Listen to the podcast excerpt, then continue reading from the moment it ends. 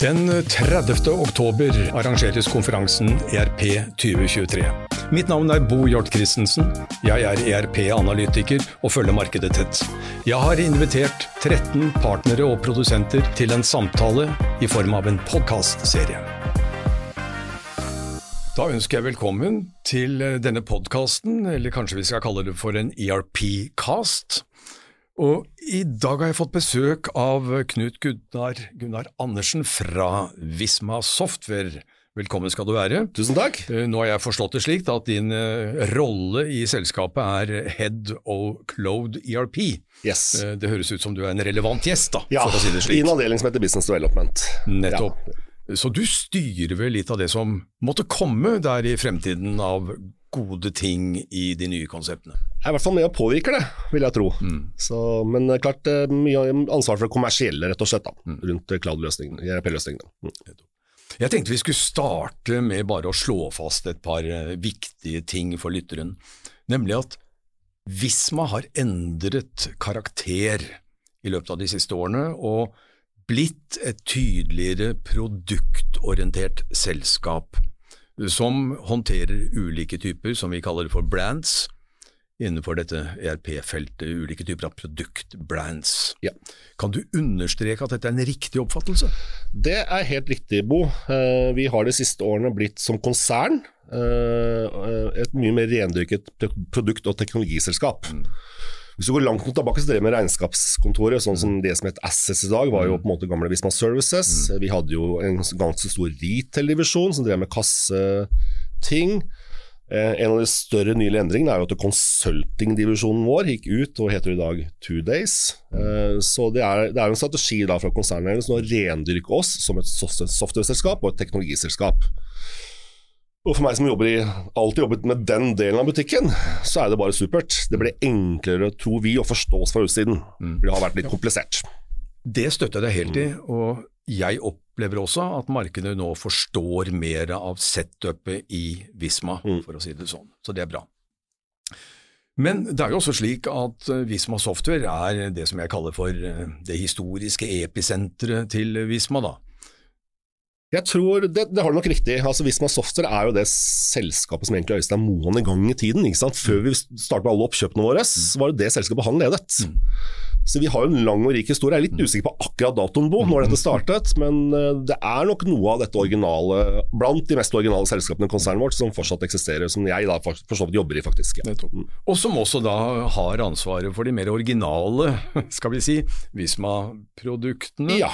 Eh, historisk sett Visma Global og Visma Business, yes. men nå i dag skal vi snakke om fremtiden. Det skal vi. Og vi skal snakke om uh, cloud og mm. skybaserte konsepter. og Jeg syns det er veldig spennende Absolutt. å følge denne nye lanseringen av Visma Unnskyld, Business Next. Riktig. Vi har tatt bort Visma-navnet. I produkt, den produkten er Visma, det heter bare Business Next. Det Business Next. Dette er jo en transformasjon fra on-prem og til skyen. Hva har egentlig skjedd?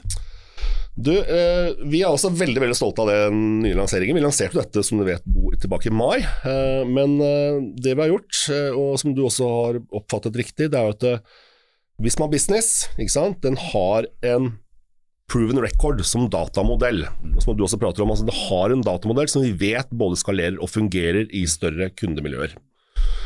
Eh, så det vi rett og slett har sagt, er at selv om vi går til skyen, så er det ikke noe gærent med datamodellen vi hadde i on-premise-verden. Så hvorfor, hvorfor, bare forkaste alt, bare fordi vi skal til skyen? Når noe av det som faktisk fungerer er noe vi kan ta med oss, så er det rett og slett det vi har gjort. Vi har tatt med oss datamodellen, og så har vi laget da egentlig noe som heter Business Next, et nytt produkt som vi lanserte i mai. Mm. Eh, fordelen med det, Bo, er jo at det er en enorm gjenkjennbarhet for en masse kunder, selvfølgelig. Og ikke minst alle våre fantastiske partnere som er gode konsulenter på løsningen. De kan datamodellen i ryggraden. Mm. Så det er ganske lite kompetanseløft som skal til for at de går fra å være rå ERP-rådgivere på jorden til å være rå ERP-rådgiver i skyen. Så sett fra en sluttbrukers synspunkt, som kanskje har en eh, lang historie på Visma Business, mm. de klarer denne overgangen? Ja. Eh, vi ser jo allerede nå tegn på Bo, altså det høres nesten tullete ut, men at du Hvis du en vanlig kunde som har lyst til å flytte fra business til business next, Vi tar jo bare dataene fordi datamannen er lik, så konverteringen er jo fryktelig enkel, for å bruke ord på det. Så har vi selvfølgelig redesignet alle alle skjermbilder. For det noe har skjedd siden 90-tallet når det gjelder UX og, og design osv. Men prinsippene, terminologien, kjenner kunden igjen. ikke sant? Eh, tabellverket, hvordan søke. Mm. så det er en fryktelig kort reise for en eksisterende businesskunde å gå til Business Next. Det som er litt interessant også, det er jo hvilke segmenter og hvilke bedriftsstørrelser Ja. man skal inn i. Jeg tror nok at øh, kanskje den jevne lytter der ute ikke er helt klar over at selv Visma Business har en kundeportefølje som kjennetegnes bl.a. av en del ganske store virksomheter. Jeg tror du har rett i det. Vi er, det er kanskje noe vi har vært litt dårlige på, er å få fram hvordan type kunder vi har. Sendt noen historisk bo. Eh, kanskje noen av våre websider viser et litt feil bilde av egentlig vårt reelle kundegrunnlag. Men som du sier, hvis man Business historisk har noen veldig veldig store kunder på kundelisten sin, som har enormt transaksjonsvolum. I noen tilfeller så leverer vi ganske mye av vår suite, i andre tilfeller så leverer vi finansdelen på toppen av andre løsninger. Eh, og Det er akkurat sånn vi ser for oss Business Next òg. Der skal vi kjempe i framtiden om enda større kunder. Eh, så det er nok noe vi har noe å jobbe med, Bo, å få litt fram hvordan kunder vi allerede har. For det er litt, vi, er, vi kan nok litt Og da er det tilbake til dette brand-greiene våre. Hvis du går inn på visma.no, så er det ikke oss du møter, da møter du IA-accounting. ikke sant? Eh, så vi må komme litt ut av dette her og vise hvem vi er med våre produkter. Mm. Ja. Eh, Nå husker jo jeg at eh, på mitt ERP-seminar i 2012 faktisk, ja, lanserte eh, Moan blant det er helt riktig. De hadde en liten prelansering der nede. Nettopp. Da hadde dere en prelansering av eh, .net ERP. jeg var på scenen, faktisk. Så, Så bra. Ja, nettopp, det var det. Og her må vi rydde litt opp Ja. eh, for å posisjonere disse to konseptene. Det er kanskje litt forvirrende for markedet. Hvor står Next, og hvor står .net? Ja. Eh, Det er riktig, vi lanserer nå Business Next i mai, men vi har jo allerede en løsning i markedet som har vært der i ti år, som vi nå har mange tusen bedrifter som bruker i Norge, Sverige, Finland, Danmark og Nederland. Så det er absolutt en internasjonal løsning som vi har lansert til flere land. Eh, Når vi nå lanserer Business Next, så trengs det selvfølgelig en tydeliggjøring fra vår side eh, på hvordan vi adresserer dette. Og Der er det to ting som gjelder, Bo. Hvis du tenker nye kunder som ikke kjenner oss fra før, så blir Vismanet det er et standardisert produkt. Litt kall det hyllevaretilnærming. ikke sant? Du kan, du kan konfigurere det, men du kan ikke designe det for mye i hvordan du som kunde ønsker å bruke det. Du må være litt sånn, jeg må tilpasse meg litt hvordan systemet fungerer. Eh, Business 6 drar vi da mer opp i markedet for nye kunder, eh, og et mye mer designtilnærming til produktet. Du kan designe skjermbilder, prosesser, datamodellen kan utvides, ikke sant. Eh, Så veldig forskjellig tilnærming. Standardisert, kall det medium pluss-segmentet. Business Next fra medium pluss og oppover. Er Men viktig. for eksisterende kundebo så vil Business Next treffe mye bredere. Fordi de som bruker business fra før, som jeg sier, hvorfor skal du bytte til noe annet fordi du er medium sized, hvis du er veldig glad i business? Så i en migrasjonsstrategi så vil Business Next gå bredere, også litt ned hvis man nettsegmentet, for å si det sånn, men kun i migrasjon. Men dette er jo selve grunnkjennetegnet til en god skyløsning, at den skal skalere Yes. bedre enn det vi var vant til on-prem. Absolutt. Og det mener du at dere støtter, Ja. faktisk? Eh, og det ser vi allerede nå. Eh, vi ser nå at eh, av foreløpig av det vi har gjort av salg på Business Next, som er jeg vil påstå veldig veldig godt på veldig kort tid, så er ca. 80 migrasjon, Bo. Altså det betyr eksisterende kunder. Eh, og de går fra medium size til store. Nysalgene våre er der oppe. Mm. Lenger oppe i segmentet. For de har ikke noe forhold til oss fra før. Mm. Det er jo ofte slik at eh, markedet tenderer til å tro at med en gang man hører ordet sky, så er det veldig standard. Ja. Men jeg pleier å si at eh, det er et standardisert konsept Yes. med en konfigurasjonsrikhet. Ja. Kan vi si det sånn? Det tror jeg du, vi kan si. Og så tror jeg også at uh, uh, Fordelen da, med at det kunne går til skyen, er at jeg er villig til å være litt mer kompromiss på hvordan en skal ha ting. ikke sant? Fordi jeg tror veldig man kommer fra sånn 100 skreddersøm. Ja, det kan vi ikke ha nå. Så de har ikke sett en ny funksjon på åtte år. ikke sant? For de sitter helt fast i noe som kun de bruker. Og det tror jeg mange vil bort ifra. Men eh, konfigurasjon er det ofte det som skiller mindre løsning til større løsning. ikke sant? Hvor mye kan du konfigurere? Business Next drar også inn en ny dimensjon som sier hvor du kan designe rett og slett hvordan løsningen skal se ut, også skjermbildemessig. Og Det er en spennende dimensjon. Det hjelper ikke å ha masse egendefinerte felter i, i databasen, hvis ikke du kan få det fram med skjermbildet. Nemlig. Gartner snakker jo om denne mm, composable ERP-tankegangen, som jeg tar opp med de fleste produsentene, for å lytte litt til hvordan dette klinger hos produsenten. Og da har jeg merket meg at eh, Visma har lansert dette som eh, dere kaller for Visma App Store, Ja.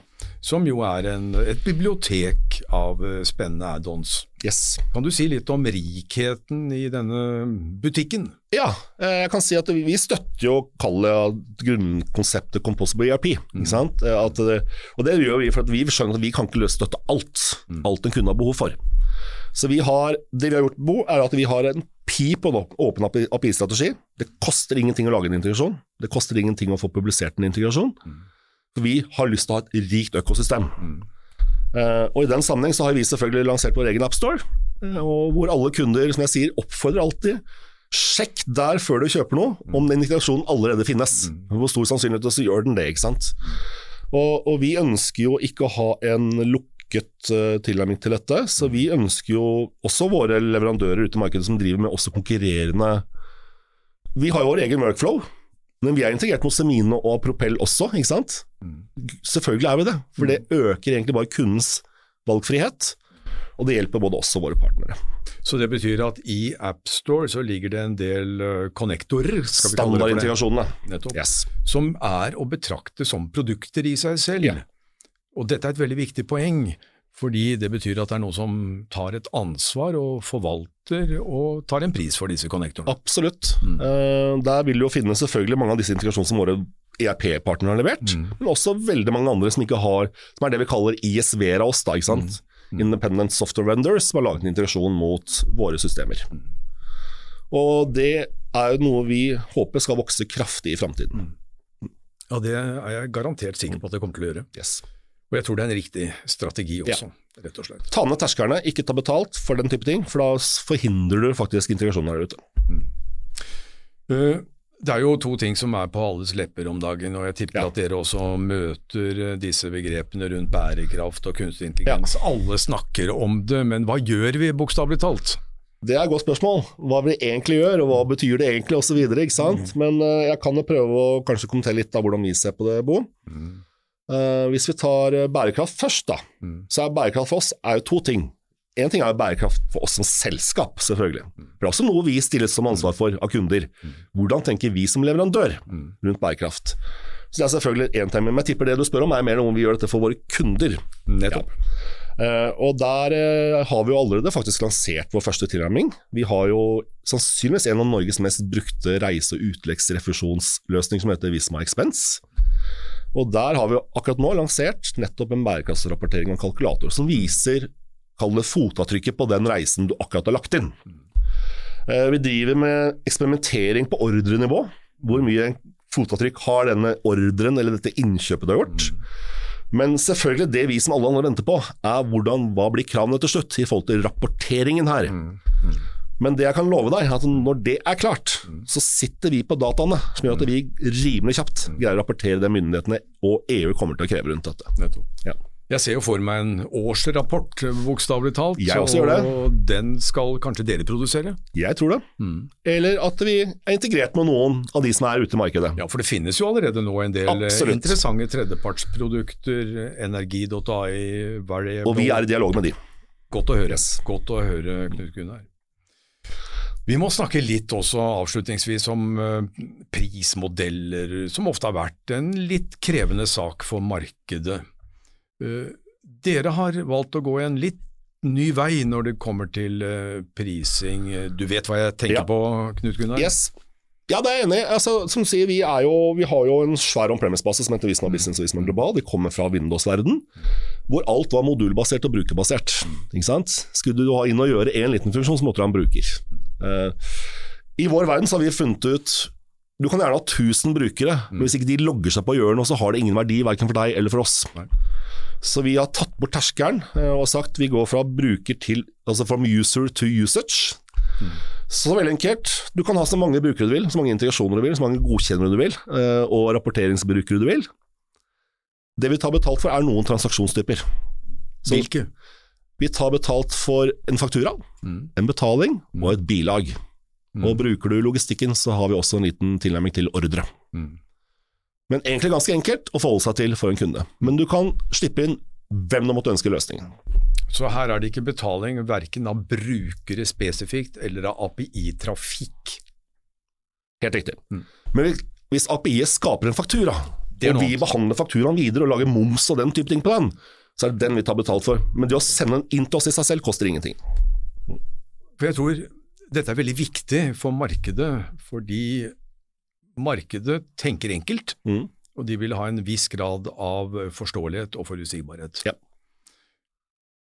Og, og de vil ikke ha noen sperrer for eh, kontraproduktiv bruk av løsningen, dvs. Si at man prøver å lage samlebrukere og den type ting, som jo er et problem Det er et problem. knyttet til sporbarhetsproblematikk, som Yes. du har vært inne på. Yep. Helt riktig. Eh, vi har sett at det å ha en tilnærming til bruker er en Du må bestille noe før det kommer i gang, f.eks. Så må du få en tilgang før det kommer i gang. Nå setter du bare i gang. Uh, vi har også snudd alt til å være veldig mye etterskuddsbasert. Før så var vi sånn tolv måneder i forkant, Bo. Fakturert tolv måneder up front. Nå er det veldig enkelt. Når vi nå er ferdige med august, august, så ser vi på hva brukte du i forrige måned, så kommer det en faktura på det. Perfekt. Ja. Dette er jo et urnorsk produkt, Next. Ja. Uh, har dere ambisjoner om å løfte dette produktet ut i andre europeiske destinasjoner? Ja, må bare si det, Bo, at i dag, Next selges i dag bare i Norge. Du får kjøpt det kun i en norsk prisbok. Men vi støtter allerede Vi har jo noen no, selskaper som har datterselskaper i Sverige, Danmark osv. Så, videre. så det er jo allerede en internasjonalisering av det produktet. Men du får ikke kjøpt det i dag utenfor landegrensene. Men allerede neste år så får du også kjøpt dette fra Danmark. Og så får vi se om Sverige og andre land kommer etter. Men vi støtter jo svensk regelverk. Så et norsk konsern med datterselskaper i disse landene kan sette det opp. Bra. Tiden går så fort i godt selskap, og vi har mye å snakke om, men eh, det byr seg kanskje nye anledninger fremover. Hva vet jeg? Håper det. Det håper jeg også. Tusen takk for at du stilte opp på denne podkasten, Knut Gunnar. Bare hyggelig. Det satte jeg stor pris på, og jeg gleder meg veldig til å møte dere på konferansen Ikke minst. den 30. oktober, hvor vi skal få det glade budskap ut Det skal til vi. markedet. Vi gleder oss, vi også. Velkommen skal du være. Takk. Takk.